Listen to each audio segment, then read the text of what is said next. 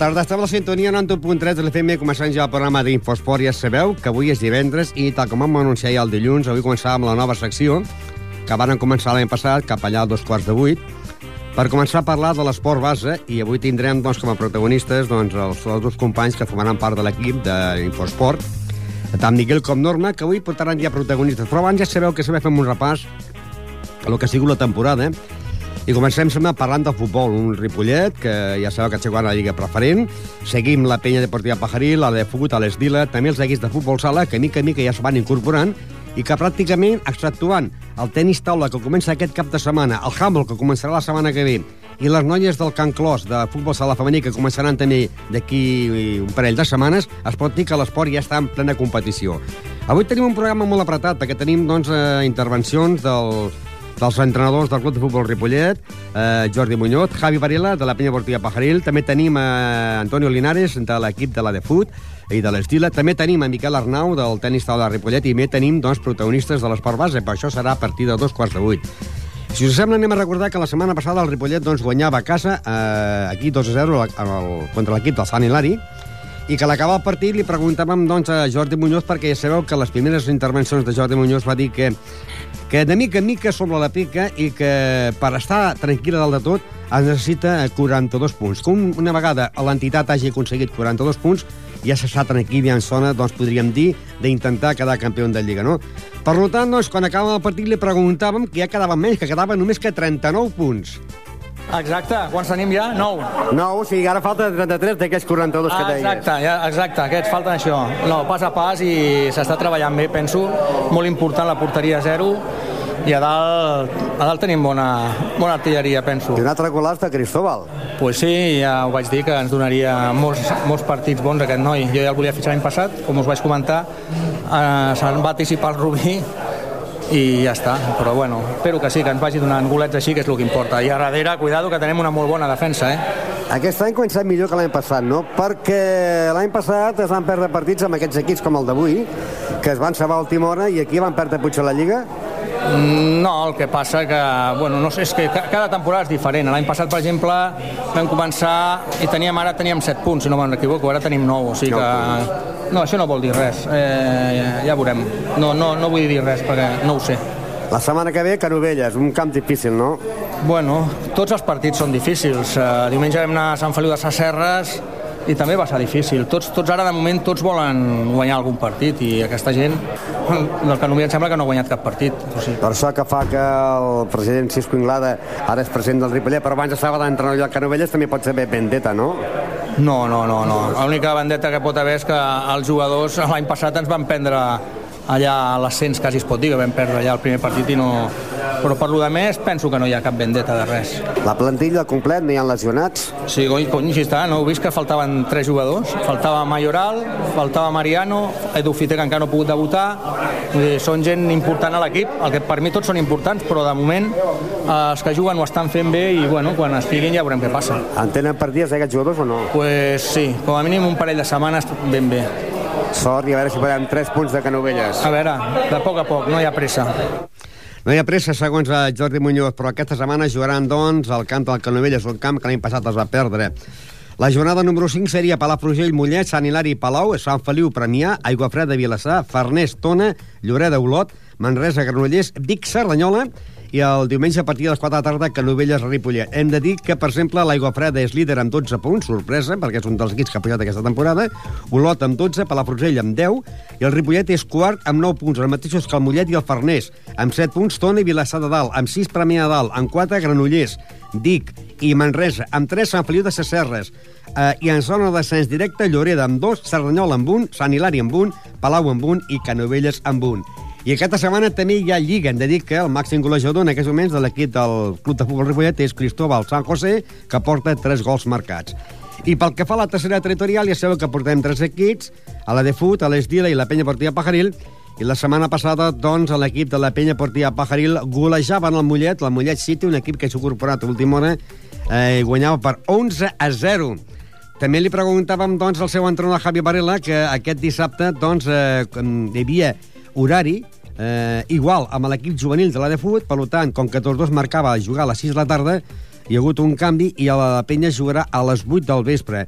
Però, clar, té un rival que és a, l'equip de la penya blaugrana Barcino, que és de Barcelona, un equip desconegut que la temporada passada no estava en aquesta categoria, o sigui, en aquesta categoria, no estava en aquest grup, i que aquest any sí, i que segons el propi entrenador eh, Javi Varela diu que, que el coneixia una miqueta de l'any passat. Bueno, el conec una mica de, de l'any passat, que jugava en un altre grup, i jugava al camp de, del Sagredent, que el teníem l'any passat, no sé si te'n recordes, sí.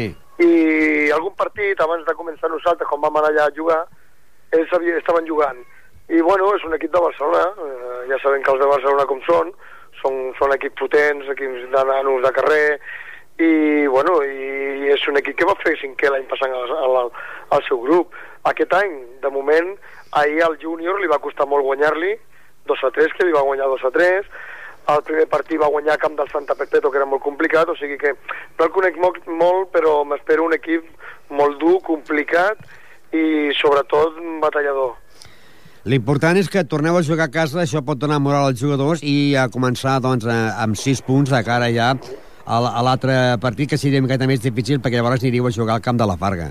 Exactament, aquest és el tema. Ara, ara tenim un principi de calendari que a priori és una mica complicat perquè tenim aquesta setmana, com bé dius, no? a la Penya Barcino aquesta, la setmana vinent ens trobarem a la Farga, al seu camp, que ja sabem que serà un camp dificilíssim, i a la següent tornaríem a rebre a la penya Blaugrana Sant Cugat. O sigui, aquests tres partits ens poden marcar una mica la temporada, no?, de dir, no la temporada, però sí aquella, aquesta primera part, d'agafar aquella moral per intentar guanyar els equips que, que realment s'apretin a la taula, no? O sigui, es podria dir que quasi, quasi a, a les sis primeres jornades us podríeu enfrontar, enfrontar en els que poden quedar dintre els cinc primers de la Lliga. Eh, exactament, per aquí vaig aleshores, clar, si aconseguim de, de treure eh, aquests punts, doncs serà, serà una mica més fàcil anar de mica en mica a, a buscar l'objectiu que tenim, no? Un objectiu de que vau marcar 11 gols i que no va marcar el màxim golejador, Pere Los Santos. No va marcar, no, mira, no va tenir el dia, va jugar molt bé, va jugar la primera part, va jugar molt bé perquè va moure molt bé, va, la, la va tindre perquè va tindre dos o tres molt clares, però són d'aquells dies que no, el davantero té el dia, i, i bueno, però no, no, no hem de dir-li res, de mica en mica, ell ha d'anar agafant aquest ritme de partit, aquest, aquesta ratxa golejadora no? que, que sabem que el Pere agafarà amb l'ajuda nostra, dels companys, i, i segur que, que aquest any, si no es torna a ser Pichichi, es quedaran les portes igualment. I tornant al camp, doncs ara que ja eh, en pocs dies, mentre es puguin anar jugant, aniran acabant les grades i quedarà un camp perfecte, no? El camp quedarà meravellós meravellós. A mi el camp m'encanta i el projecte jo l'he vist sencer i, i ara que ja és l'obra ja mitja finalitzada, una vegada que estigui aquesta grada i aquests seients, el camp, jo penso per mi, opinió personal, en tant la gespa, instal·lacions, tot, tot, penso que serà un dels campus, dels camps més, més guapos que hi haurà al Vallès actualment, eh? I ara, doncs, per contrarrestar hauria de ser doncs, de que quedéssiu campions i pujar, Home, no? per celebrar-ho ja. Seria una cosa preciosa, seria una cosa donar-li una, una, una rebuda espectacular no, al camp. Clar, clar, igual que li van donar una, una despedida molt bona l'any passat al vell, sense perdre cap partit a casa, seria importantíssim i molt bonic donar-li aquesta benvinguda que queden campions, clar. Ara l'únic que sí es podrà comprovar és que com que aquesta setmana jugareu a les 8 de la tarda, si hi ha suficient llum. Bueno, aquest és un problema que aquest sí que l'ha parlat aquest matí amb el Toni Abat, del PAME, que veritablement al mig del camp a aquesta hora segurament falta llum. Aquí sí que falta llum. Hi ha un problema, el PAME ho sap, és un problema del projecte, de, del tema del, del, de la llum, i estan treballant estan treballant en, en solucionar-ho de cara a aquest, a aquest cap de setmana, no? Eh, faltarien dos focus o tres fins que arribi a un tant per cent de llum que demana el projecte. Mhm. -huh. Suposadament, per dissabte ja estarà solucionat. Les paraules de Javi Parell, l'entrenador de l'equip de la Penya Partida Pajaril, que van guanyar 11-0 al Mollet. Uh, la Fundació va guanyar a l'Efut per 6 a 2 i a l'equip de l'Estila doncs, van a jugar a Raureda, però ja sabeu que al camp del Raureda doncs, tenien que jugar a dos quarts dotze i amb motiu de que va morir un nen eh, que li va caure, pot dir, la, la banqueta on hi els jugadors que anava amb rodes, no estava fixada, se li va tombar i va morir el nen de 9 anys. Quasi tots els equips de Sabadell doncs van aplaçar el seu partit. El que passa que, és clar, l'equip de l'Esdira no li van dir res i els jugadors equipats i es van fer l'aclantament i tot, i a l'àrbit tot, van decidir llavors per no jugar. I ara resultarà que aquest cap de setmana doncs, eh, l'equip de, de l'Esdila té un partit important a jugar eh, contra l'equip del Mollet. Un Mollet que l'altre dia doncs, va caure pallissat aquí a Ripollet davant de la penya deportiva Pajaril per 11-0.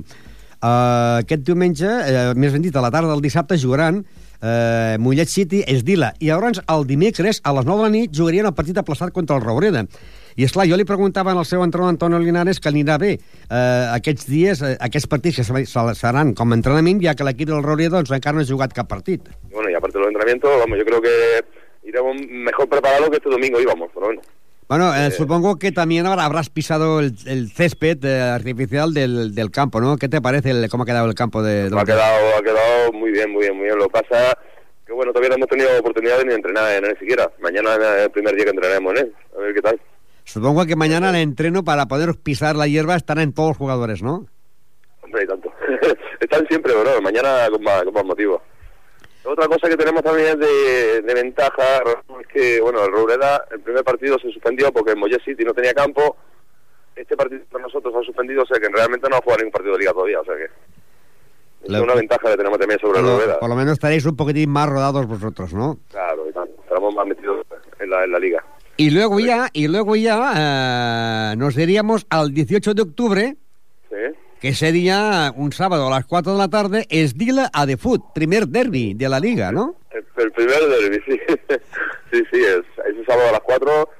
Bueno, y a ver, el, el, el, el- la no ha tenido todavía ningún resultado, ¿no? pero bueno, ahora es que cambia de entrenador y, y supongo que, bueno, yo conozco al entrenador que lo coge y supongo que subirá para arriba ese equipo. O sea, el entrenador era Paco Rueda, habrá, habrá durado dos partidos. Sí, pero bueno, ahora lo, lo coge, coge el mando Chesco y, y ya cambiará eso, ¿eh? seguro. Chesco. Chesco, sí. Chesco será el nuevo entrenador de, de, de la, de la ¿no? Sí, sí, bueno, según eh, tengo entendido. Y claro, ese es un entrenador ya rodado, hecho, sabe de fútbol, eh, eh, subió el año pasado al juvenil de la de fútbol, o sea que cambiará mucho el equipo, o sea. Además, con el equipo del Mollet City, pues jugaréis siempre, jugaréis a la- el sábado a las 4 de la tarde, que es la hora que también tenéis vosotros en vuestro campo, ¿no? Sí, sí, es la misma hora que nosotros, la misma hora. Por lo tanto, este año la, la- el Esdila, que empezó ya con victoria, eh, y que tenéis ahora estos partidos un poquitín fácil, ¿no? Pues un- yo creo que vais a tener una moral de hierro. Hombre, ya tenemos la moral muy alta, pero y si nos acompaña encima de los resultados, pues bueno, vamos, yo creo que no va a haber quien nos pare. o sea que yo creo que, vamos, este año irá mucho mejor que los otros años. El, calen- el calendario... te. ¿Te, favorece el calendario de, de los partidos? O sea, que no te vienen los cocos, te, te vienen eh, equipos normales, ¿no? Flojitos. Equipo, equipo flojito, ya te digo que el Pajaril, por ejemplo, me viene la décima jornada. O sea, que ya estará rodado, estaréis rodados. Sí, que yo creo que para mí uno de los pocos más gor- gordos es el Pajaril, o sea que eh, Pajaril y Junior, y me viene la décima jornada. Eh, ¿Tú a estos dos, a. Pajaril y Junior, los, los colocas en los primeros lugares? Sí, yo diría que, que esos dos pueden ser perfectamente los gallitos del... ¿Y a dónde colocarías el Esdila? Yo, mira, en principio yo eh, la apostaba por quedar de quinto por la cola de arriba, pero ahora empiezo a apostar por quedar de los cinco de arriba, o sea que ¿Y a la, y a la de Foot? ¿Y a la de Foot dónde lo colocarías? actualmente, tal como está el equipo, lo colocaría muy mal, pero ya te digo que el cambio que va a pegar va a ser grande. Grande porque yo confío mucho en ese entrenador y es muy buen entrenador y cambiará. ¿Y el. Esdila ya tenéis la plantilla completa de jugadores o todavía podéis fichar alguno más? No, no, ya la tenemos completa. Tenemos 22 chavales. eh, entre los 22 tenemos unos 15 que son puntales, o sea que yo me considero que tengo la plantilla hecha ya. Doncs bé, aquesta setmana la Puig jugarà contra el Raureda, eh, hem de dir que el Mollet contra l'Esdila i la Penya Portiva Pajaril contra el Barcino, i hem de dir que, per exemple, doncs, ja sabeu que és la segona jornada, el Pajaril és quart amb 3 punts, l'Esdila és setè amb 3 punts i la de Puig ocupa la plaça número 14 amb 0 punts. I també aquesta setmana, aquesta setmana comença el femení de la de Foot. El primer partit serà aquest diumenge a partir d'un quart d'onze a The Foot eh, Europa, corresponent a la tercera categoria cadet del món del futbol eh, femení. Eh, que és l'únic equip de Ripollet doncs, que, que juga en aquesta categoria. Hi ha noies que juguen a bàsquet i a tenis taula i a futbol sala, però futbol només hi ha l'equip de l'Efut que juguen aquesta setmana contra l'equip de l'Europa a partir del diumenge doncs, a les 10 i 15 minuts. Ara anem ja al món del futbol sala. Futbol sala. Futbol sala. Futbol un futbol sala que ja sabeu que va començar la setmana passada amb victòria per Mia de Mar per 1 a 3 en gols de Fran, de Juanito i de Guerra que el líder és la Barcelona, que té 9 punts els mateixos que l'Hospitalet i el Vilassar. El Brises Esport en té 7, amb 6 punts Corbera i Escola Pia. Ripollet té 7 amb 4 punts. Amb 3 punts Premià de Mar, Mataró, Gavà, La Unió, Esplugues i Cacerres de Palma de Mallorca. I amb un punt del Canet i el Bar Micasa i amb 0 punts a l'Inca. I aquesta setmana, doncs, jugaran contra l'equip de l'Escola Pia de Sabadell, un partit que començarà a dos quarts de set de la tarda. L'Escola Pia de Sabadell la setmana passada guanyava el Mataró per 4 a 3. L'Escola Pia Sabadell és sisè amb 6 punts i el Ripollet en aquests moments ocupa la plaça número 7 amb 4 punts. També hem de dir que eh, comença el campionat de... Bueno, ben dit, serà el primer partit oficial que jugarà a l'equip del Ripollet B de futbol sala i que després de que la setmana passada empatés al camp de l'Sporting Prat de Llobregat per empat a 4 amb gols de dos de Cristian, un d'Isma i un d'Isaac. Aquest cap de setmana el Ripollet B jugarà contra el Sant Feliu. El líder és el, el Castelldefels, Sant Just i Sant Feliu i Pla de Llobregat amb 3 punts, amb un punt Cervelló, Castellà, Ripollet B. I l'Esporting Prat i amb 0 punts Sant de Perpètua, Cornellà, Alella, Llagostense, Gornal, Sant Coler i les Plugues. El partit entre el Ripollet D de futbol eh, primera categoria preferent, grup tercer entre el Ripollet D i el Sant Feliu, començarà aquest eh, dissabte a partir de les 4.30, o sigui, sí, a dos quarts de cinc de la tarda, Ripollet D, Sant Feliu, i a continuació el Ripollet primer equip de Lliga Nacional contra l'equip de l'Escola Pia de Sabadell, un equip que sempre ens dona molta guerra quan ve jugar aquí a Ripollet.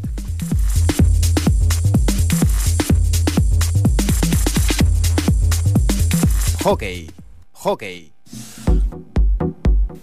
I també va començar la Lliga pel Club Hockey Ripollet, que va disputar el seu primer partit, després tenir quasi dues jornades de descans, va jugar aquell cap de setmana a la pista anexa i va guanyar el Terradell per 6 a 3. La resta de partits van ser Gama 11, Mollet 0, la Garriga 7, Sant Just 4, Gornellà 6, la Salle 7. Es va ajornar el partit entre el Setmanat i el Bertino i el Congrés va guanyar en el Tona per 9 a 4.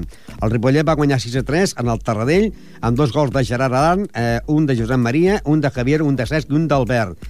Líder amb 6 punts, Congrés, la Garriga i la Salle. Amb 3 punts, Tarradell, Voltregà, Cornellà, Ripollet, Folgueroles, Martino, Tona, Gamma i Mollet. I en zona de, de descens, però no baixa ningú en aquesta categoria, seria Sant Manat i Sant Just amb 0 punts. Un Ripollet que estem a la tercera jornada, però només ha jugat un partit ell. Ha jugat un partit perquè ha tingut una jornada, un partit aplaçat contra el Tona, encara no sap quin dia se jugarà. La segona jornada era jornada de descans i aquesta tercera que van jugar contra el Tarradell. Aquest cap de setmana s'enfrontarien la jornada número 4, el Folgueroles contra el Cornellà, la Salle contra la Garriga, el Tona contra el Setmanat, el Tarradell contra el Voltregà, i aquest dissabte a partir de les 8 de la tarda Mollet de Vallès contra el Ripollet.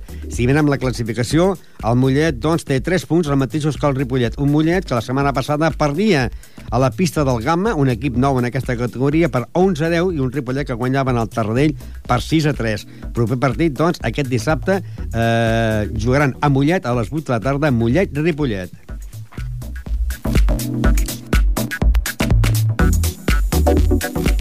Tenis taula. Tenis taula.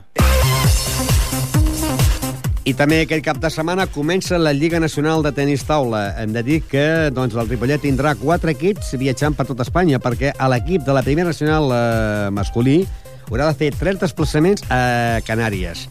L'equip femení tindrà que desplaçar-se a Vilés, a Sant Sebastià, a Girona, a l'Ecanea d'Irun i dos partits a València, front davant del Mediterrani de València i el Requena de València. La primera jornada serà aquest cap de setmana. Hem de dir que hi ha hagut canvis. El Finca Ripollet, de la divisió d'honor femenina, jugarà tots els dissabtes que jugui aquí a Ripollet. Jugarà en el hall del pavelló dissabtes a les 8 de la tarda. Aquest cap de setmana jugarien Finca Ripollet i el Fotoprix Vic. Descansaria el Balaguer i s'enfrontarien el Mediterrani de València contra l'Avilés i el Requena de València contra l'Avilés, també.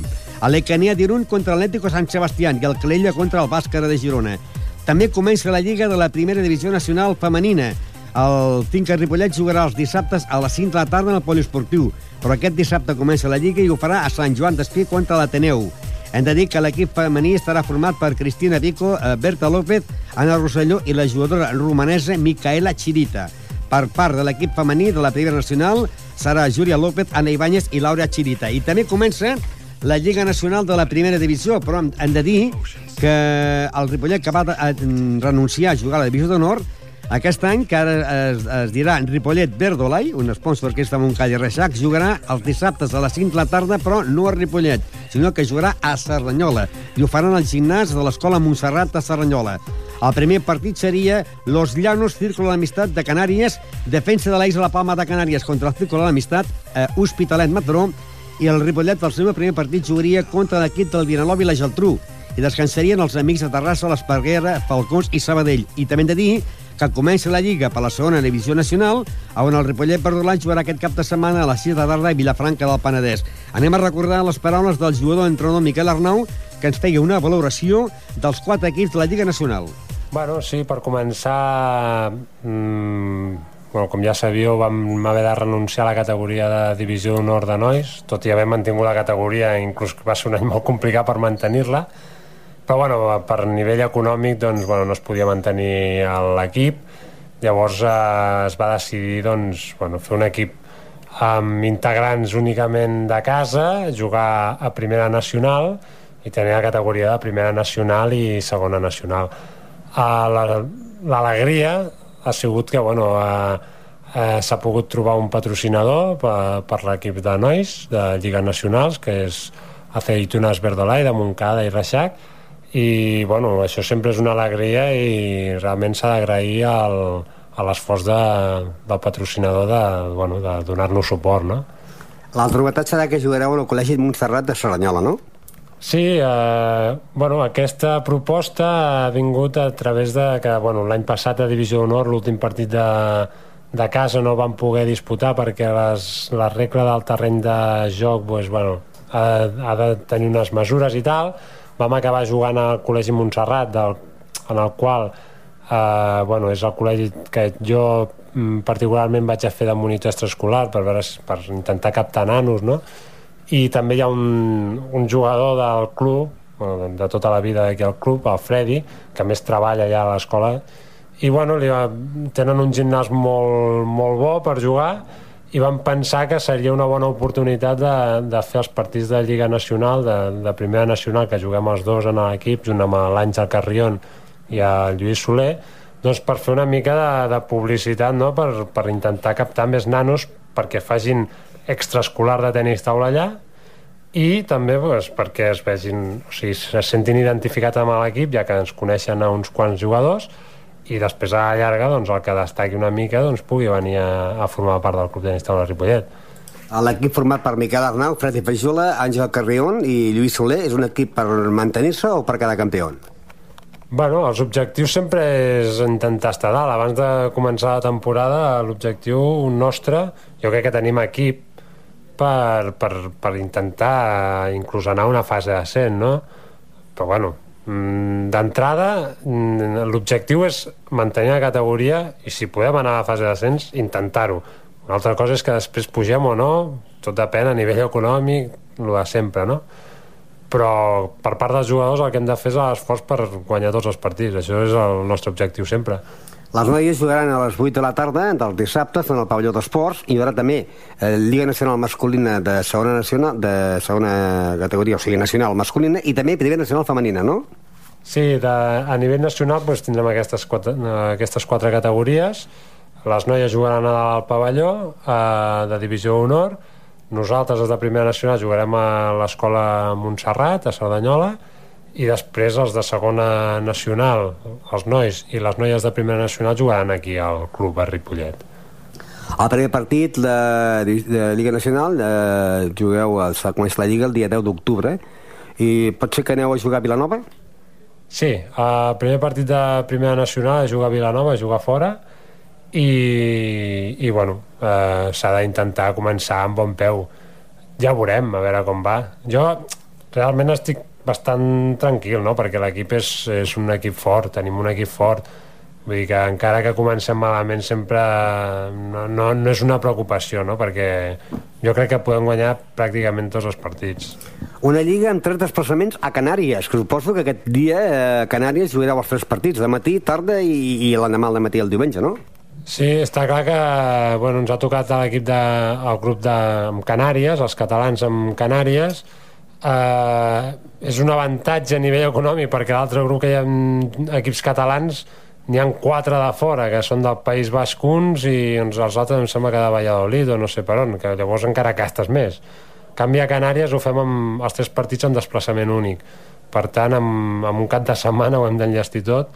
Es jugarà dissabte matí, dissabte tarda i diumenge matí. L'únic dolent és que dos partits són a una illa i un altre és en una altra illa. Llavors bueno, acabes una mica cansat però és el que hi ha Tornarà a guanyar aquest any el Miquel Arnau al Trofeig Infosport Home, ho intentarem. La veritat és que m'agradaria. L'any passat no va poder ser, doncs aquest any intentaré estar allà per guanyar. I suposo que competirem amb els meus companys a veure qui és el que fa més punts. Passa que l'altre competidor eh, que l'any passat va guanyar el Trofeig Infosport tres anys seguits és el Freddy Fajula en l'equip de, de, primerament en primera nacional i en segon nacional i aquest any serà el company teu, del teu equip, no? Bueno, aquest any, després de bastants anys eh, que no, no estem en el mateix equip, doncs ara tornem a ser companys d'equip i espero que el guanyi. ja veurem què passa.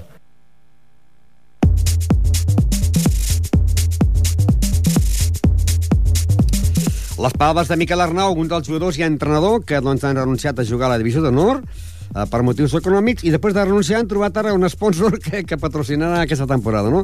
Són les coses que passen a, a, amb la crisi que hi ha hagut, no? Anem ja a parlar del món del bàsquet, perquè ja sabeu que estem en plena competició i que el Club Bàsquet Ripollet la setmana passada perdia a Montgat per 63 a 52 i que el líder és el Sant Josep de Girona amb 6 punts, els mateixos que el grup Osorio de Badalona i el Montgat, que té 6 punts. Amb 5 punts, Figueres, Barberà, Sant Adrià, eh, Blanes, i en 4 punts tenim a Santa Coloma, l'Argentona, el Sal, el Minguella de Badalona, el Ripollet, que està en el lloc número 12 en 4 punts, els mateixos que el Sant Josep de Badalona, el Ligolada i en zona d'ascens directe de la Copa Catalunya, el Pineda i el Sant Andreu de Natzaret, que també és de Badalona. Un Ripollet que aquest cap de setmana s'enfrontarà aquí a casa i ja sabeu que ara el Ripollet torna a jugar. Des de que està fent les obres, torna a jugar en el pavelló Francesc Berneda i que jugarà aquest diumenge a partir d'un quart de vuit de la tarda en Ripollet contra el Pineda.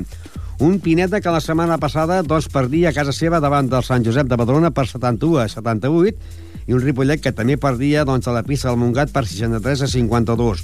Un Ripollet que ocupa la plaça número 12 amb 4 punts, amb un Pineda que ocupa la plaça número 15 amb 3 punts i que està en zona de descens. Això per que fa al Ripollet, un Ripollet que, doncs, el seu màxim anotador en aquests moments, qui s'empotria el trofeig d'Infosport, seria el jugador Lliçard Termes, que porta un total de 33 punts, 22 punts marcats a casa i 11 marcats a fora. I hem de dir que, doncs, eh, està lesionat Enric Forner, un jugador que al primer partit va aconseguir marcar 17 punts a camp contrari i que la, a l'últim partit aquí a casa va marcar un punt sol d'un tiro lliure perquè es va lesionar, va haver de marxar a l'hospital i està lesionat i dintre unes quantes jornades sense jugar.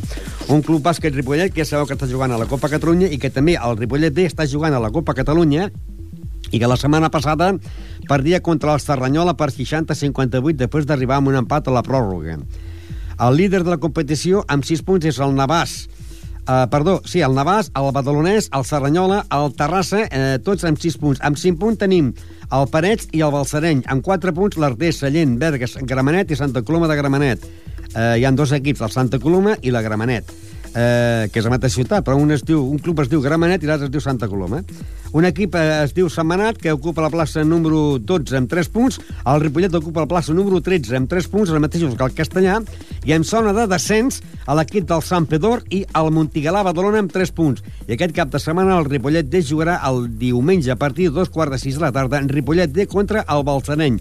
Un Balsareny que la setmana passada guanyaven a la pista del Castellà per 54 a 64 i un Ripollet que perdia doncs, per 60 a 58. El Ripollet B ocupa la plaça número 13 amb 3 punts. El Balsareny ocupa la plaça número 6 amb 4 punts.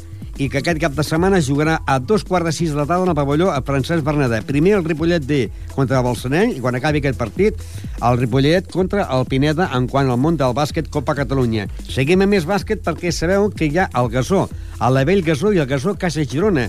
L'any passat aquests dos equips estaven en dos grups diferents, un al grup segon i l'altre al grup cinquè.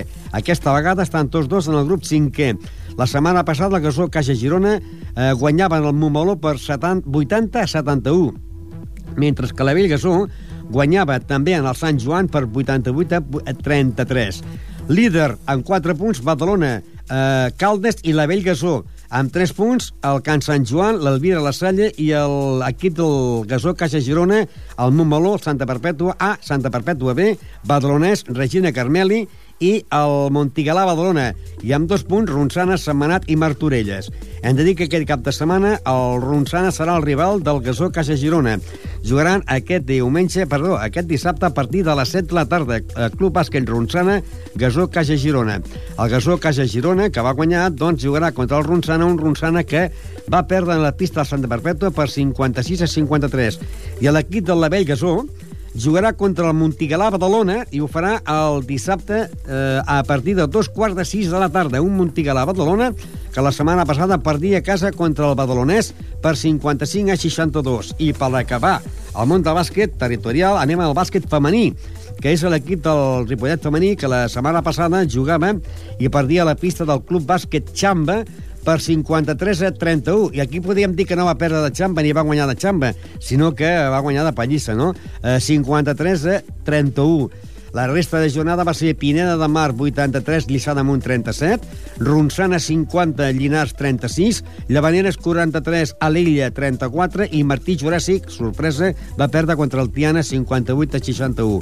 Líder amb dos punts, que és la primera jornada que es va jugar la setmana passada, Pineda, Xamba, Ronçana, Llavaneres, Tiana, Lliçà de Munt, amb dos punts i amb un punt, el bàsquet femení Ripollet, el Llinars, la Lella i el Martí Juràssic. Aquest cap de setmana jugarien en el pavelló Joan Creus a partir de les 11 del matí bàsquet femení Ripollet contra el Santa Eulàlia de Ronçana. Un Ronçana que la setmana passada, la primera jornada, guanyava en el Llinars per 50 a 36 amb un Ripollet que perdia a la pista del Club Bàsquet Xamba per 53 a 31. Aquest cap de setmana, les noies que entren a Javi López jugaran doncs, a les 11 en el Joan, eh, Joan Creus contra l'equip del Santa Eulàlia de Ronçana.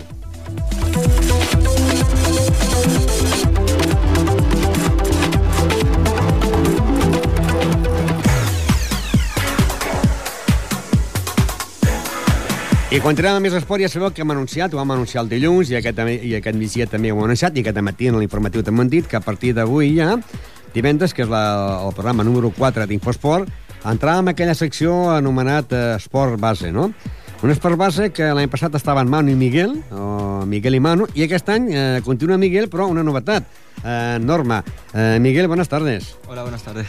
Eh, ya tienes un año de experiencia porque estabas el año pasado y este año continúas, pero la novedad es la norma. Norma, buena tarde. Hola, bona tarda. Eh, per tu és nou, no, tot això? Sí, bueno, un poco. ¿Sí? Bueno, estudié comunicación, pero en directo sí, es mi primera vez aquí. Pero aparte del directo, ¿te gusta el deporte? ¿Y te gusta el deporte base o no? Pues deporte, bueno, juego a tenis en Sardañola, pero deporte así en general no me gusta, pero nunca había trabajado en él. O sea, estoy todavía poniéndome un poco al día. I el dia serà que cada divendres tindrem doncs, eh, dedicat al esport base diferents entitats. Eh, esta semana eh, estuviste viendo un partido, ¿no? Estáis protagonistas de, de- Sí. del equipo eh, Alevín del Club de Fútbol Ripollet. Estuvimos viendo al equipo de, de Gea, que es un entrenador muy joven, de 18 años, y el resultado acabó con 4-2 a favor del Ripollet. Este año, a diferencia del año pasado, hemos cambiado de formato y ya no haremos entrevistas personales, sino que haremos entrevistas sobre el partido. Y la sale. crónica del partido que habéis visto con protagonista, por eso, ¿no? Sí, Y el partido, ¿cómo lo viste tú como, como aficionado? Porque tú más a más eh, jugabas el año pasado con el Estila. sí, y sí. este sí. año no juegas, ¿no? No, este año no. O sea, tenemos un exjugador de fútbol y una tenista. Sí, bueno. O estás haciendo el deporte del tenis. Sí. Front Sí. tenis en realidad, Front pero tenis. aficionada, ¿eh? Nada, nada en no no ni en nada. plan competición, ¿no? No, no, Como no, no, para, no. Para, para, para mantenerte en forma. Sí, más o físicamente, menos. ¿no? Sí. No de salud, sino físicamente, ¿no? Sí, como Y tú. Miguel, eh, has dejado el deporte de, de jugar a fútbol, pero continúas eh, haciendo de entrenador o solamente ya ni No, entrenador. Este año lo he dejado apartado Este año un poco. has apartado, ¿no? El Has año que viene las volveré. botas. Sí, sí. Volveré Pues, ¿qué nos cuentas de qué nos contáis de ese partido que visteis y la- el primer programa que aparece hoy? Tenéis protagonistas, ¿no? Sí, bueno, el partido fue bien. Estuvo controlado en todo momento por el Ripollet, de principio a fin.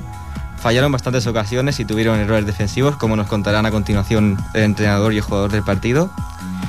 Y bastante bien. Al final acabaron ganando después de una primera derrota, el primer partido de liga. Se mantienen en mitad de la tabla de momento. Norma, tú también estuviste en el partido. Pues no, en este partido yo no pude ir, porque bueno, íbamos a ir el domingo a otro partido, pero con la muerte. Bueno, íbamos a ir a Sabadell, pero con la muerte de este chico, chaval, pues sí. sí. Y fue un poco un contratiempo y no pude estar, pero bueno, la semana que viene ya. De todos los deportes, aparte del de que tú practicas, ¿cuál es el que te gusta más? Pues Ver. ver, bueno, ver me gusta ver el fútbol, porque más o menos, bueno, es el que más o menos entiendo también, pero ver el básquet también, más o menos todo. Es que tampoco tengo uno que diga no me gusta nada. Y de practicar, apar- aparte del tenis, ¿a ¿cuál te gustaría practicar? Yo hacía natación también. Fútbol, bueno, la verdad es que me gusta verlo, pero no me gusta nada practicarlo, porque además no sé muy bien cómo moverme y nada. Ni fútbol sala tampoco. No, fútbol sala tampoco. Era más que nada tenis, natación o básquet. Atletismo, ¿no? No, no, no, tampoco me gusta. Me gustan verlos, practicarlos es otra cosa muy diferente. Pues si parece, Miguel, eh, pues seguimos hablando de, de- de ese partido que jugaron el equipo Alevín y que además, además ahí tienes, traéis un protagonista, ¿no? De ese equipo. Sí, tenemos a dos. El entrenador, que es un joven de 18 años, como ya he dicho, y luego a Oscar, que fue el jugador del partido. ¿Qué vamos a escuchar primero? ¿A Oscar? Sí, a Oscar. Empezaremos por Pues Oscar. eh, pasaremos ya y escucharemos las palabras de Oscar. ¿Qué opinas del partido de hoy? Eh, la primera parte ha estado bien, no lo he estado tocando bien y eso. Después en la segunda parte no, no tan bien porque hemos jugado ya más, nos hemos dormido un poquillo porque confiamos ya, estábamos como un poco confiados y eh, hemos fallado en defensa un poco y bueno. ¿Qué crees que se puede mejorar para que no te metan esos dos goles que nos han metido? Pues en defensa estar más atentos, eh, eh, estar cogiendo siempre al hombre detrás pegado de él y sobre todo estar muy atentos porque si no, mm, como te coja uno rápido, si no... Tú, esa forma de jugar que tienes tan calmada y... No sé, yo cuando salgo al- al campo estoy tranquilo, eh, pienso que lo voy a hacer lo mejor que puedo y estoy tranquilo, sin nervios y eso y Se nota, se nota. ¿Cuántos años llevas jugando a fútbol? Yo llevo desde los 5, comencé en fútbol sala, estuve ahí dos o tres años y después vine ya aquí hasta el Ripo hasta ahora. Y si ahora viniera la de fútbol y hiciera una oferta, ¿te irías o qué, qué dirías? Me quedaría aquí. ¿Por qué? ¿Por qué quieres quedarte aquí? Porque creo que aquí eh, pues hay, no sé, mejor, mejores equipos eh, que lo tienen todo más claro y tienen buenos entrenadores y eso. ¿Te has llamado alguna vez a algún equipo así de otra, de otra categoría? Me llamó el, el, este, el Badalona, pero dije que no porque está en la misma categoría y no. Y si no saliera bien esto de ser futbolista, ¿qué te gustaría ser? A mí, profesor de gimnasia en un colegio. ¿Se te dan los estudios? Sí, ¿Todo aprobado de momento? sí, sí. ¿Y el próximo partido qué esperas? Porque vienes de, de perder el primer partido y de ganar el segundo. ¿Qué esperáis hacer? Hombre, si jugamos, si salimos contra las ganas como salió en la primera parte, se van a ganar todos los partidos tranquilamente. Pues seguimos tranquilamente las declaraciones de, de, de el dorsal número 10. eh, yo no sé si ante, antiguamente el jugador que llevaba el número 10 y que era un interior izquierdo. Yo no sé de qué puesto jugaba ahora Oscar. Eh, jugaba de organizador en el centro del campo. En el centro del campo, ¿no? Porque fútbol- antiguamente, antiguamente, cuando la eliminación era, sabías que el 1 era portero, el 2 era un defensa, el 3 era el defensa ce- central, Sí. el 4 era un menos, el, el central era el 5, antiguamente, o sea, el portero el 1, el 2 defensa, el 3 otro defensa, el 5 era el central. Luego la media estaba formada por el 4 y el 6. Sabías que el 4 era de derechas y, y bueno, de derecha, me refiero a que jugaba con la derecha y otro jugaba con la izquierda, ¿no? Y luego estaba el número 7, que era el extremo, el 8 que era interior, el 9 que era el delantero centro, el 10 que era el interior y el extremo zurdo que era el 11. Los harías. Y ahora en el fútbol moderno mm, Ahora ha cambiado todo. sale con el 4 y juega de medio, eh, o juegas, sales con el 5 y, y sales con el 31 y sabes dónde juega, ¿no? Sí, porque cada chico quiere un número también, y- llevaba el número 10, pero no jugaba, digásemos, de interior izquierda, ¿no? No, lo Porque- jugaba en el centro del campo como Iniesta y porque había un, un inte- un interior que era, le digásemos, de ataque y otro interior defensivo, ¿no? Un medio volante que era centrocampista ahora, es centrocampista, era de ataque y el otro era defensivo, ¿no? Y luego central, que este sabías que este jugaba de central. Y ahora hay el central, el líbero, el tierne, y todo el mundo juega, pero nadie juega por las bandas. ahora se ha ¿Os sale complicado bien todo. juegan por las bandas o no? Este equipo jugaba más por el centro. Ya por la banda supongo que hace falta más físico. Me imagino que de cara a infantil o cadetes sí que lo explotarán más. Y Norma también, eh, presente en esos partidos, también eh, traes a otro, a Sí. otro protagonista, ¿no? Sí, pues tenemos a Egea, que es el entrenador del equipo, que es un joven de 18 años que lleva 5 entrenando al Ripollet y que tiene como objetivo mantener la categoría sin sufrir mucho. Que para ello coincide con Oscar y cree que tiene que mejorar muchos aspectos de la defensa. Y nada, si quieres lo escuchamos ahora. Escucharemos a Egea. ¿Cuánto tiempo llevas entrenando aquí en el Ripollet? Pues de jugadores de pequeño y entrenando unos 4 o 5 años. ¿Cómo es que te dio por entrenar así tan joven? Pues, pues llevaba toda la vida jugando a fútbol y me gustaba entrar con los niños. ¿Piensas seguir una carrera de entrenador? Sí, bueno, hasta que se pueda, hasta que por el trabajo y eso se pueda, pues sí. ¿Y ahora qué edad tienes? 18 recién cumplido. ¿El carnet te lo quieres sacar o...? Sí, ahora he hablado con el presidente, eso me había dicho que cuando se, cuando se hiciera aquí la, el cursillo que iríamos a sacármelo. La temporada la habéis empezado hace poco, ¿no? Sí, la semana pasada en el campo San Cristóbal empecemos. ¿Cómo fue ese partido? Pues mal, empecemos mal y al final quisimos remontar y no se pudo. ¿Cómo quedaste al final 4-2? 4-2 perdimos. Y algunos errores así que viste defensivos, que recibir cuatro goles en un partido normal, ¿qué pasa? Sí, las coberturas de defensa y eso sobre todo. Cobertura lateral fallaba, no salía al central y esas cosas. Hoy he estado viendo vuestro partido y veo que han mejorado bastantes cosas, ¿no? Sí, sí. Hoy hemos salido apretando arriba ya desde el principio y no dejamos jugar al otro equipo y muy bien. Y al final 4-2, pero a favor vuestro, ¿no? Sí, sí, hoy sí. ¿Algo que arreglar hoy o todo ha sido perfecto? Hoy las, las contras que nos hacían, al estar muy arriba apretando, pues dejaban mucho espacio y las contras. ¿Qué esperas de esta temporada? Sois un equipo ya que lleva en primera bastantes años, ¿no? Sí, sí, mantenerla por supuesto y sin sufrir si puede ser, a ver. ¿Os veis capaces de mantenerla Sí, sí, por supuesto. Sí, sí. La línea más fuerte que tienes, ¿cuál consideras que es? He visto que el medio campo Yo con creo el- que es la media. Con el Oscar y Williams, yo creo que es lo, lo son dos jugadores muy tranquilos, ¿no? Que la manejan muy bien. La pisan y todos no se ponen nerviosos y muy bien. ¿Y alguna vez que han, reci- han recibido ofertas de otros equipos para irse? Pues sí, creo que sí. Pero no se han querido quedar aquí. ¿Y qué es lo que les ata a este club? Pues no sé, yo creo que conocen ya a todo el mundo y están muy a gustos aquí y, y que les gusta estar con sus amigos y eso. Este es el entrenador de la Levin, el entrenador que entrena al equipo que juega Oscar, ¿no? Sí, sí. Eh, ¿Les exige mucho a los jugadores de Egea? No, yo lo conozco hace tiempo y es un entrenador bastante bueno, que sabe comprender a los jugadores y les exige, claro que les exige resultados y eso, pero los ha llevado muy bien. Tú, tú has sido entrenador también del Sí, del. Ripollet, sí. Eh, ¿Quién exige más? ¿El entrenador o a veces los padres que están en la banda? Siempre los padres, claro. Ellos no entienden hasta dónde Siempre puede su niño juega mejor que el otro, ¿no? El Sí, que, está, que, que está jugando, ¿no? El niño que está banquillo juega mejor que el que está de titular, Sí, ¿no? los entrenadores ven el límite del chaval, pero los padres no, se creen que no tienen límite y que lo tienen que ganar todo. Pero en esas categorías el entrenador los hace jugar a todos para que jueguen o juegan los mejores y los más flojos mm, son los que hacen los cambios. Normalmente juegan todos. El Inglada ya te dice que intentemos que todos jueguen lo mismo. Pero claro, si hay algún partido así difícil, siempre el entrenador siempre elige a los que tienen más forma y eso. ¿A ti, Norma, te gustaría hacer entrenador de un equipo Benjamín de, de fútbol? Entrenadora. Bueno, no sé si me gustaría, pero porque tampoco sé cómo enseñarles, porque como nunca he jugado a fútbol tampoco ¿Pero de sabría tenis cómo. sí? ¿Te gustaría? Es que no sé si soy cap- estoy capacitada todavía para enseñar algo de deporte, digo, porque no, no me he dedicado al 100% a jugar a un deporte y tampoco sabría cómo enseñarles. Porque digo, si yo no, ya no sé cómo... Porque yo juego lo que veo, como veo y a mí me enseñan un poco. Pero tú vas a jugar, no es una obligación de decir, mira, cada martes y cada jueves voy. Vas hoy y a lo No, mejor sí, no sí, vas. voy cuando me gusta. Bueno, cuando puedo y porque me gusta. No es nada obligado. O sea que... Por eso digo, no sé si tendría, si sabría cómo decirle dónde ¿Y ponérselo. tomas partes en competiciones, aunque sean locales, sociales o no? No, no, no, no. No, solo- es que hace un año que empecé, o sea que tampoco no tenemos tampoco mucho nivel. Además, tampoco tenemos parejas definidas, son con amigos y vamos a jugar Para pasar el rato y luego Sí. hacer una merienda, ¿no? Sí.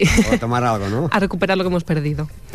Claramente lo hace mucha gente eso. ¿eh? Dice, vamos a hacer deporte y luego salen unas comilonas, ¿no? Para recuperar. Eh, un Ripollet que tiene muchos equipos de la categoría Levín y Prebenjamín, ¿no? Tiene varios equipos, ¿no? Sí, este año tiene 21 equipos y Inglada está muy contento porque 8 de ellos son prebenjamines. Y él sabe que eso es la base para, para tener un futuro asegurado. Eh, al haber el campo ya con hierba, ¿ha hecho que se hayan incorporado más críos a jugar a ese- al deporte del fútbol en el campo del Ripollet o no? Bueno, lleva tres años el césped y pues lo que me comentaron a mí seguía el mismo número de, de equipos. No ha Que habido no cambió. ¿no? No, no. Tenemos más, pro- más protagonistas, ¿no? Otro entrenador, ¿no? Sí, tenemos a otro entrenador, a Emerson Rojas, que sigue el mismo camino que Gea. También ha empezado muy joven a, jugar, a entrenar, con tan solo 14 años. Debutó el otro día con una victoria también, con el Prebenjamín. Y bueno, ahora podemos escuchar lo que nos contaba. Pues escucharemos al entrenador, Emerson Rojas. Con 14 años, ¿cómo es que te ha dado por ser entrenador ahora? No sé, porque me gusta los niños pequeños. ¿Fue decisión tuya o alguien te dijo, oye, ¿te importaría colaborar? No, mira, que lo vi y me gustó. ¿En qué momento le dijiste tú al presidente que querías colaborar? A principio de temporada. Y él te dijo que sí, ningún Que sí, problema. que si, si yo que si pensaba que podía ser, porque sí. ¿Tu primer partido de entrenador, cómo lo recuerdas? Bien, ¿Te, te pusiste nervioso? no, ¿Lo llevaste normal. Sí, conociendo a los chicos, ¿Y el resultado qué tal? bien, ganamos. ¿Sí? Tienes un buen recuerdo. Sí, ¿Qué te gusta más, ser entrenador o ser jugador? jugador. ¿Qué diferencia hay? Soy que entrenador lo ves y de jugador lo vives. Aparte de entrenador, también eres jugador del cadete A, ¿no? ¿Qué posición ocupas? Portero. ¿La primera vez que tuviste contacto con el fútbol fue de portero o empezaste de jugador? En fútbol sala jugué de jugador. Y no te, no te convencía. No, sí, pero no sé, portero me llamaba más. Si ahora viniera el ADFU a hacerte una oferta, ¿qué le dirías? Que no. ¿Por qué? Porque el Ripo fue mi primer equipo y además me, me pilla cerca de casa. Pero yo recuerdo que hace dos años, cuando subiste con el infantil, te hicieron una oferta del Canrul, Y me quedé aquí. pero te la besaste. No, porque, bueno, sí me lo pensé, pero no, después no. ¿Qué es lo que te motivó a quedarte aquí? No sé, los estudios y también que tenía mis amigos aquí, allí no conocía a nadie. ¿Y el año que viene piensas seguir aquí? Mm, no sé, porque a lo mejor nos vamos de Ripollet. ¿Y el ambiente en este club qué tal? Bien. ¿Crees que es un club familiar o Sí, nos llevamos todos bien. os conocéis todas las categorías? Sí, Bueno, y la semana pasada jugasteis con el cadete A el primer partido de liga, ¿no? sí, Que después de un después de un año en segunda consiguió el ascenso y debutasteis otra vez. sí. ¿Qué tal fue? Bien, muy bonito. Ganamos 2-0. ¿Y tú jugaste de portero ese día? ¿Qué? No, me lesioné en el calentamiento. Eh, ¿Has tenido muchas lesiones? No, bueno, el ligamento externo de la rodilla me lo lesioné grave y después los dedos, cachulitis y eso. La lesión de los dedos es típica en los porteros. Sí. Si no llegas a ser portero profesional, ¿qué te gustaría ser? Informático. ¿Y los estudios qué tal los llevas? Bien. El Ingada creo que tiene una serie de castigos, ¿no? Si suspendes. Si te dejas sin convocar y eso. Por O sea, eso hay que estudiar. O sea, que el presidente pone por delante los estudios a- Sí. al deporte. ¿Qué te parece esto? Bien, bien. ¿Crees que sirve de algo? Sí, porque algunos se centran solo en el fútbol y dejan los estudios. Y con esto pues, se centra más en los estudios después del fútbol. O sea, que tú has visto bueno que Inglaterra haga esto. Sí. ¿Crees que lo deberían hacer todos los presidentes? sí. Como portero, ¿qué rival te gusta más de tu liga? O durante tu etapa deportiva. El Cercla. ¿Por qué? Porque el primer partido nos ganaron injusto, injusto y el segundo lo ganamos. Fue muy guapo el partido. Y aparte del segundo partido, cuando ganasteis, ¿significó algo ese partido? Sí, ganamos la liga. ¿Y en el mundo del fútbol a quién te gustaría parecerte? Hombre, como todos los porteros a casilla, ¿Qué echabas de menos de Ripollet? los amigos, más que todos los amigos, los de la escuela. No te los puedes llevar en la maleta, ¿no? No. ¿Seguirás viniendo aquí a Ripollet? Sí, entré. Los fines de semana. Vendría a ver al Ripo aquí. O sea, que te consideras aficionado del primer equipo. Sí. ¿Vienes mucho a verlo? Los partidos que puedo, sí. ¿Esta temporada ha sido alguno? Sí, he ido a dos. ¿Y qué opinas con respecto al año pasado? ¿Ha mejorado? ¿Ha empeorado? ¿Sigue igual? Sí, igual. Me gustó más el de hace dos años, que por un punto no subieron, pero sí, igual. Las palabras de Emerson Rojas, que es entrenador del Prebenjamín, ¿no? Eh, eh, y esa entrevista que las efectuasteis en el, el- el vestuario, mm, ¿después del partido o un día de entrenamiento? Fue después del partido, cuando ellos volvían de Barcelona. Eh, Emerson Rojas, entrenador, eh, otro Geas, entrenador, y, lo- y eh, la Levín, la jugadora Oscar, que han sido los protagonistas. Me estabas hablando al micrófono cerrado los castigos que les imponen o los pueden imponer. Sí, nos Algo ha así. comentado ya Emerson que Iclara tiene una serie de castigos que cuando acaban las evaluaciones del colegio, pues pide las notas y eso, va preguntando a los coordinadores y si suspenden muchas asignaturas, les deja sin convocar hasta que las recupere. Y ya, he visto que Emerson está bastante contento con esto porque hacía que se esforzaran más todos. Sea, los estudios y luego los entrenamientos. Si te catean, no juegas. No, y yo lo he sufrido eso como entrenador. Yo he tenido a gente muy buena que no, no ha podido jugar. Por Ah. ¿Se le aplica a todos los equipos o a algún equipo? No, no, a todos, a todos. O sea, Desde más pequeño hasta juveniles. Ah, por lo tanto, si quieren les gusta el deporte y quieren jugar, pues primero son los estudios, ¿no? O Claro, sea, primero- primero... fuerte para ir a entrenar, ¿no? Sí, sí. ¿Han cateado a alguien y no haya jugado? Sí, a mí me ha pasado bastantes veces. No, no, pero de los, de los críos de actualidad, no. No, en la actualidad no, pero sé que funciona porque yo tuve el año pasado al infantil y había gente que el primer trimestre suspendió ocho y al segundo a lo mejor suspendió solo una. Y hablando de los estudios, vosotros seguís estudiando. Tú, Norma, sigues estudiando, ¿no? No, no, ya no, ahora no. Ya he acabado. ¿Aquello de clásico estudias o trabajas? No, ahora, bueno, ni estudio ni trabajo ahora mismo. Bueno, ahora estás Pero aquí sí. trabajando en la radio, ¿no? Sí, o sea, sí. por amor Sí, al sí. arte. Y he acabado de estudiar. ¿Y tú, Miguel? Yo acabo ahora en noviembre un máster de guionista para televisión. Mm, Ya ¿te me gusta? queda poco. ¿Te gusta? Sí, sí, sí. Está Máster de guionista para televisión. Sí. ¿Y por qué no por radio? Porque la verdad es que no estaba todavía, no estaba en la universidad este máster. Ya, ya. Y este y... Eh, eh, Manu, mm, que por motivos de faena el año pasado estaba con nosotros, este año no puede estar, ¿no? No, este año lo tengo que dejar y... no Es, sé si él está trabajando día y noche, no? Sí, sí, sí, todo el día. Eh, recordeu que eh, el Ripollet juga a Canovelles eh, aquest, aquest diumenge a les 4 de la tarda, Canovelles Ripollet. Però és que el dilluns és festiu, que és el dia del Pilar, i el lunes, què hi haurà en el camp de, eh, del Ripollet? Habrá la presentación de toda la base y del primer equipo. Como ya hemos dicho antes, irán los 21 equipos que hay en total. Y bueno, habrá sorpresas que no puedo contar, pero que se quieran Pero animar ahí. prácticamente se quiere decir que estos 21 equipos compuesto como mínimo, como mínimo, de 17 jugadores o 15 por equipo, ¿no? Sí, en total serían unos 300 jugadores, creo que me comentaron el otro día. Y ahí, ¿vienen equipados de casa o hay vestuario para todos? Eh, creo que vienen equipados de casa. Creo que sí, que, que les dan las camisetas y luego tienen que vol- devolverlas y lavarlas. Ah, no, porque es imposible, ¿no? ¿Cuántos vestuarios hay en el, en el campo municipal? Hay seis. Por lo tanto, es imposible que y- los 21 equipos eh, puedan equiparse todos. ¿Se sabe el orden de salida? Eh, si serán primero los alevines, infantiles, así en la escalera los veteranos y luego el último se acaba con el primer equipo?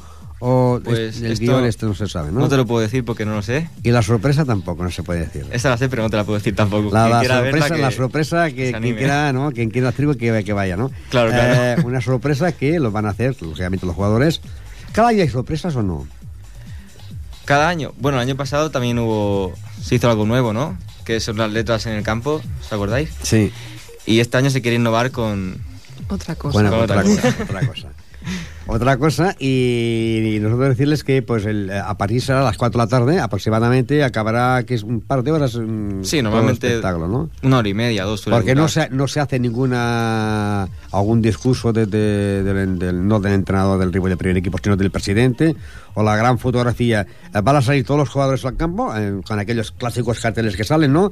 Se van a poner los jugadores, los entrenadores, los delegados, Sí. y luego la fotografía total, que algunas veces salían las gradas, con todos los 21 equipos con el rojo y negro de, de la Sí. equipación de fútbol Ripolén, ¿no? La foto en la grada y luego. No hay ningún partido luego oficial que se haga, mm, aunque sea el equipo A contra el equipo B o no. No, no hay, no hay equipo B en el Ripollet de este año tampoco. No, me refiero mm, De partido la que, hiciese, ¿no? No, en principio no era previsto.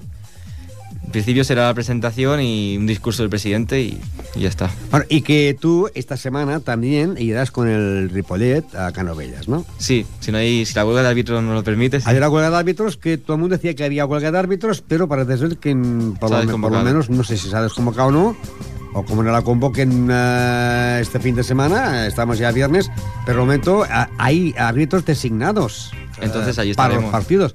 Y si no, pues eh, si hay huelga, pues no jugarán al Ripollet ni muchos equipos, pero si juegan, pues eh, Miguel, ya estarás tú con el Ripollet para tener información, pero para el viernes, porque el lunes es festivo, no hay programa de deportes, sí el viernes que entraríamos con las declaraciones que le hicieras ah, al presidente o al entrenador del Club Futbol Ripollet. Sí, ahí está. Pues posarem punt i final. Recordeu que comencem els dilluns eh, aquest programa eh, a les 7 de la tarda eh, i els divendres també, però que a partir de- d'avui a divendres tindrem eh, cada divendres a Norma i a Miguel, o Miguel i Norma, que ens portaran protagonistas. La semana que viene, el viernes, ¿quién tendremos? No sabemos los nombres, pero sí qué entidad. Sí, eh, esperamos que sea la de Food Ripollet. A The Food Ripollet, que además Sí. estarán contentos porque este fin de semana pues eh, prácticamente está acabado ya la, la hierba, la hierba artificial y que eh, pronto tendrán luz nueva, más luz de la normal y también la tribuna, la, el tejado de la tribuna. Pues anem punt final i recordeu que el dilluns és festiu, però divendres tornem a estar aquí a partir de les 7 de la tarda. Adéu i bon cap de setmana.